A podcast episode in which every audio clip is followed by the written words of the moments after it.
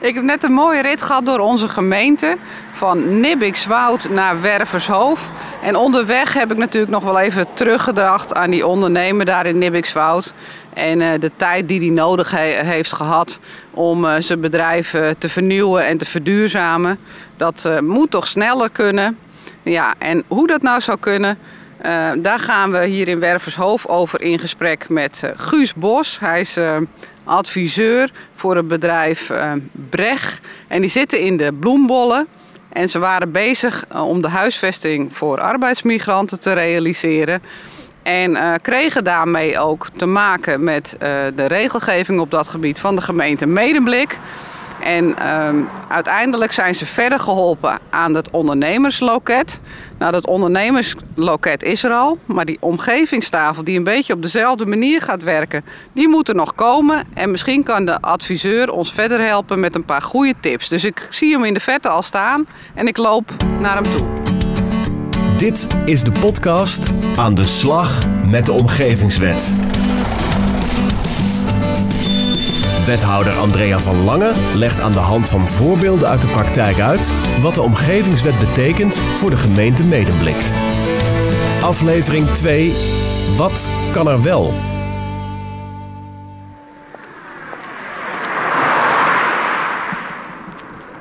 Nou Guus, ik zie hier in de verte zie ik inderdaad een uh, paar uh, blauwe units staan. Hè? En uh, ja, ja, je ziet die steeds vaker verschijnen in de polder. En dat komt omdat we steeds vaker buitenlandse werknemers nodig hebben voor het werk wat hier allemaal dag, dagdagelijks moet gebeuren.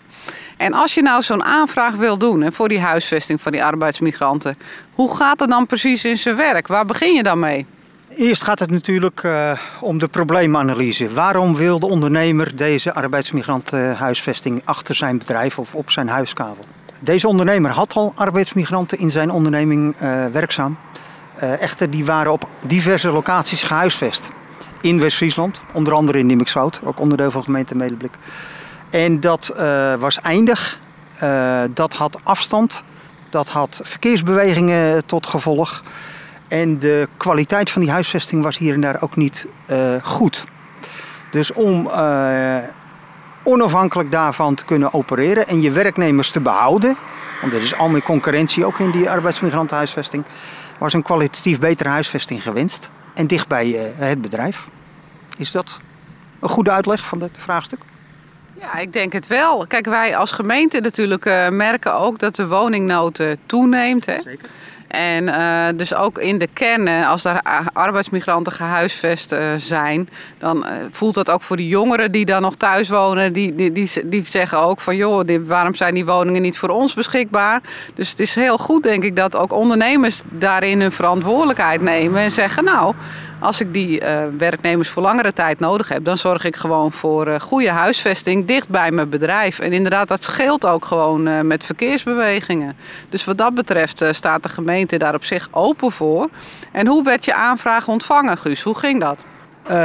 Het bijzondere was, ik was blij verrast. Ik werd, nadat ik telefonisch contact had gehad met de gemeente, uitgenodigd voor een ondernemersspreekuur. En uh, dat was heel professioneel ingeleid. Uh, wat bedoel ik ermee te zeggen? Ik werd daarover gebeld. Ik uh, werd een tijdstip werd er afgesproken. Ik kreeg een netje, nette bevestigingsmail. En ik werd uitgenodigd op het gemeentehuis. Ehm, tijdens dat gesprek zaten er meerdere mensen bij het vraagstuk. Dat was een, een WABO-adviseur, een ondernemersadviseur en iemand van de veiligheidsregio van de brandweer. Wij hebben daar het uh, vraagstuk besproken. En uiteindelijk is dat een heel plezierig gesprek geweest waarbij diverse aspecten een rol speelden. Dat varieerde van rioolaansluiting, het gebouw, milieu uh, en ook de brandveiligheid. Uh, dus ja, dat was de eerste stap. Dat liep eigenlijk perfect. Dus wat eigenlijk het mooie was, dat zei je ook al, dat verschillende afdelingen die, die zaten bij het ondernemersloket aan tafel. En ook zelf, zelfs een organisatie buiten de gemeente, dus de veiligheidsregio, die er eigenlijk al ja, zeg maar aan het begin van de aanvraag bij uh, werd betrokken. Zeker, zeker. En dat is uiteindelijk heeft het vervolg gehad door een uh, bevestiging van ons gesprek. Uh, waarin het vraagstuk werd verwoord, de actiepunten en eigenlijk de vervolgstappen. Dus dat was heel professioneel. Maar dan het vervolg, dat eh, verdient mijn inziens wat professionalisering. Wat bedoel ik daarmee te zeggen? Ehm, ehm, eh, ik als adviseur en ondernemer uh, werden te pas en te onpas gevraagd om wederom aanvullende stukken aan te leveren. ik miste een beetje proactiviteit erin. In, in vele bedrijfstakken noemen ze dat tegenwoordig customer journey. Hè? Hoe behandel je een klant? Hè? De reis van de klant ten aanzien van zijn product of in dit geval de gemeente dienstverlening.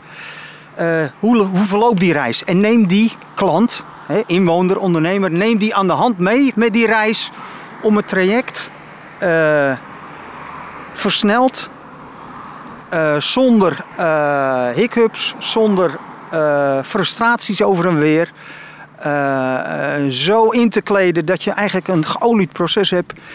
Ja, wat je eigenlijk in deze digitale maatschappij, bijvoorbeeld in de retail, ontzettend ziet. Uh, en dat kan mijn inziens met vergunning ook. Dus, dus jij zegt, nou ja, die reis die had wat mij betreft had dat wat, met wat sneller gekund. Of misschien met, met wat minder hindernissen. Want je moest tussendoor moest je allerlei papieren aanvragen. Of, of... Uh, dat de aanvraag bepaalde papieren met zich meebrengt is logisch. Uh, tekeningen, plattegronden, riolering, elektriciteit...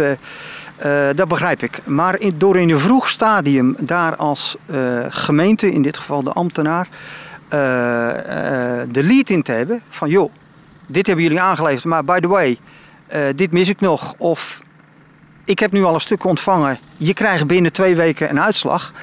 Krijg je een, een betere customer journey. Oftewel, die klant die ervaart precies wat, die, wat, wat, wat gewenst is en wat de doorlooptijd is. Dus je levert iets in en dan zeg je eigenlijk zou ik graag iets ontvangen van binnen twee weken ontvangt u bericht.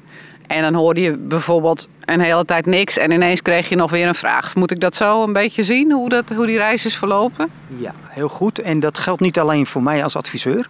Dat geldt ook voor de ondernemer en dat geldt ook voor het, uh, het tekenbureau. Wat uh, zijn rol in dit proces ook had. En mij een paar keer heeft opgebeld of gemaild van... hé, hey, wat is de status nu? Dat ging niet slecht, maar dat kan beter. Ik moet het goed zeggen. Dat kan allemaal beter, dat proces. Dus dat zou die omgevingswet wel kunnen brengen. Dat je dan een soort bevestiging krijgt met uh, over twee weken hoort u meer. Of u moet dit nog, nog aanleveren. Of deze stukken ontbreken nog. Want dat heb je eigenlijk een beetje gemist gedurende je, je reis. Mooi hè? het was een mooie reis want het staat er. Het is allemaal gerealiseerd. Uh, alleen ik denk het tijdspad van vergunningsaanvraag tot realisatie, dat kan sneller. Ik denk dat we er nu uh, drie kwart jaar over gedaan hebben. En uh, als het binnen bestaande beleidsregels past, denk ik dat je door een goede voorbereiding iedereen zijn werk goed te laten doen en een proactiviteit te tonen, dat je dat proces veel korter kan terugbrengen. En dat voorkomt frustratie bij alle betrokkenen. En, en er staat ook op gemeente uit. Hè? Op het moment dat je dat proces heel mooi loopt, professioneel snel en goed gecommuniceerd. Uh, ja, dan gaat die mee, uh, ondernemer, of ik als adviseur, ga ook zeggen: Zo, gemeente Medeblik, petje af, chapeau, knap geregeld. Maar ja, ik denk dat de omgevingswet dan wel hoop biedt. Want als het goed is en het valt gewoon binnen het bestaande beleid, dan is de uitdaging dat we binnen acht weken een vergunning gaan verlenen. En ik hoor nu dat je daar drie kwart jaar eh, over gereisd hebt. Dus dan gaan die reistijden wel aanzienlijk uh, korter worden, Guus, met die nieuwe omgevingswet.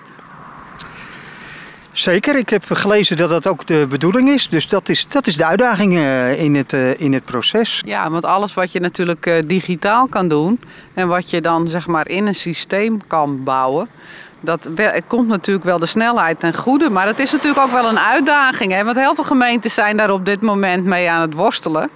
Dus ik hoop ook echt dat de, gemeente Medeblik daarin snel boven komt. Want er zitten in onze uh, gemeente heel veel ondernemers met plannen. En daar zijn we natuurlijk heel blij mee. Maar het is natuurlijk ook de uitdaging om die allemaal een beetje snel te kunnen helpen bij die nieuwe omgevingswet. En het vraagt ook wat van onze ambtenaren. Hè? Want het betekent ook een beetje loslaten. Je ziet dat de meeste ondernemers ook al een adviseur in de hand nemen. Dat ze architecten hebben die natuurlijk ook allemaal de nodige kennis in huis hebben. En dan, ja, als, als, aan de ene kant wil je als gemeente heel veel regelen. Maar de omgevingswet is denk ik ook een beetje loslaten. En vertrouwen op dat andere partijen hun huiswerk goed doen. Hoe zie jij dat, Guus? In de overheidsorganisatie zou je cultuur moeten creëren waarbij je, uh, ja, in andere bedrijfstakken noemen ze dat uh, excellent performance, uh, waarbij je eigenlijk het proces als ambtenaar zo wil draaien dat je eigenlijk die klant of die ondernemer verrast. Het traject staat ervoor. Ik hoorde net acht weken, dacht ik, hè, het nieuwe traject. Wat zou het mooi zijn als jij dat tegen die ondernemer of, of, of, of particulier zegt, die een vergunningstraject hebt lopen. En er staat acht weken voor. En jij komt er binnen twee weken, nou overdreven, zes weken kom jij hem al leveren, zijn vergunning. Hè? Dan verbeter jij verwachtingspatroon. Dan creëer je zoveel goedwil in die overheidsorganisatie. En, en dan zal die ondernemer tegen zijn andere ondernemers zeggen: Jezus, joh, mijn vergunningsaanvraag, je het al gehoord. Acht weken stond ervoor. Ik had hem binnen zes weken. Perfect. Nou, dat is natuurlijk een hele uitdaging. En die gaan we in de gemeente Medeblik ook heel graag aan om nog een stapje harder te zetten. Maar in, allereerst is natuurlijk de uitdaging om van acht maanden naar acht weken terug te gaan. En nou ja, ik, je moet het ook zo zien, Guus. Dat is voor ambtenaren natuurlijk ook een hele uitdaging. Om dan toch al die partijen bij elkaar aan tafel te krijgen. Om aan de voorkant al zoveel mogelijk te regelen. Zodat we die vergunning, dat al die vragen die we tussendoor stellen, dat we die eigenlijk aan de voorkant stellen. Zodat we die vergunning ook inderdaad dan in die acht, zeven of misschien wel zes weken uh, kunnen realiseren straks in die nieuwe omgevingswet. Zonder uh, dat het eigenlijk ten koste gaat van ja, die enorme hoeveelheid regels die er helaas nog zijn, waar we wel gewoon aan moeten voldoen. Hè? Want ja, je hebt te maken met regels voor brandveiligheid, je hebt te maken met uh, regels voor flora en fauna. Dan heb je hier ook geluk dat er niet zoveel vleermuizen en zo rondvliegen, want dat brengt ook allemaal vertraging met zich mee. En uh, nou ja, zo zijn er natuurlijk uh, regels op allerlei terreinen. Archeologie, nou, er zit hier gelukkig ook niet zoveel in de bodem, want het is, maar dat kan allemaal vertraging opleveren. Dus die ambtenaar die heeft natuurlijk ook al heel wat hordes te nemen. Maar als ze daar jou ook, en dat, dat hoor ik je ook zeggen. Als ze de ondernemer en zijn adviseur en de architect daarin meenemen, dat je weet van oké, dit gaat twee weken duren, dit gaat vier weken. Dat helpt ook al, hè? want het was ook soms de onzekerheid waar je mee te maken had. Ja. Uh, als je naar andere bedrijfstakken kijkt, wat ontzettend de werkvorm uh, in de maatschappij is gekomen, is natuurlijk agile werken. Misschien wel van gehoord. Bestaat alweer tien jaar, denk ik, in de maatschappij. Uh, scrum teams, dat betekent dat je met diverse disciplines om tafel gaat zitten. Vergelijkbaar met het ondernemerspreekuur. Je hebt iemand van milieu, je hebt iemand, de WABO-adviseur, je hebt iemand van de veiligheidsregio of de brand, je hebt iemand van de riolering. Als je met elkaar als team, en dat noemen ze scrum team, met elkaar om tafel gaat zitten met het vraagstuk. En dan maak je korte afspraken voor uh, ten aanzien van dit vraagstuk. Van volgende week hebben we iedereen terugkoppelingen op dit vraagstuk. Dan krijg je natuurlijk ongelofelijke versnelling in het proces bij de gemeente. Maar dan moet iedere onderdeel in het ambtenaren uh, gebeuren moet natuurlijk wel zijn, zijn huiswerk doen. dat noemen ze een sprintje. Wij, wij spreken af, volgende week heb jij je veiligheidsverhaal aangeleverd bij dit vraagstuk. Volgende week heb jij je, uh, je milieuvraagstuk. Volgende week heb jij je nou, kortweg. Nou, dat klinkt ons als muziek in de oren. En dat gaan we straks ook zo doen met die omgevingstafel. Of we allemaal gaan sprinten, dat is nog weer het volgende. Maar goed, een duurloop kan uh, soms ook heel goed werken. Maar die omgevingstafel die we dus straks gaan invoeren met die omgevingswet, dat is bedoeld om juist met al die partijen, inderdaad de veiligheidsregio, de archeologische dienst, uh, flora en fauna, de omgevingsdienst, om daar allemaal mee om tafel te gaan zitten. En dan wie weet dat we straks met elkaar een sprintje trekken en dat we die vergunning ook inderdaad in acht weken gaan verlenen. Daar doen we het voor. Is het toeval dat er net hier een trimmer voorbij komt? Die moeten ook eh, het zien vol te houden, dat hele stuk trimmen hier. Ja, dit is geen sprintje wat deze meneer doet. Dit is nog een beetje het tempo van de gemeente Medeblik. Maar ik zie hem al een beetje aantrekken. Hij trekt de sprint aan, hij gaat de goede kant op.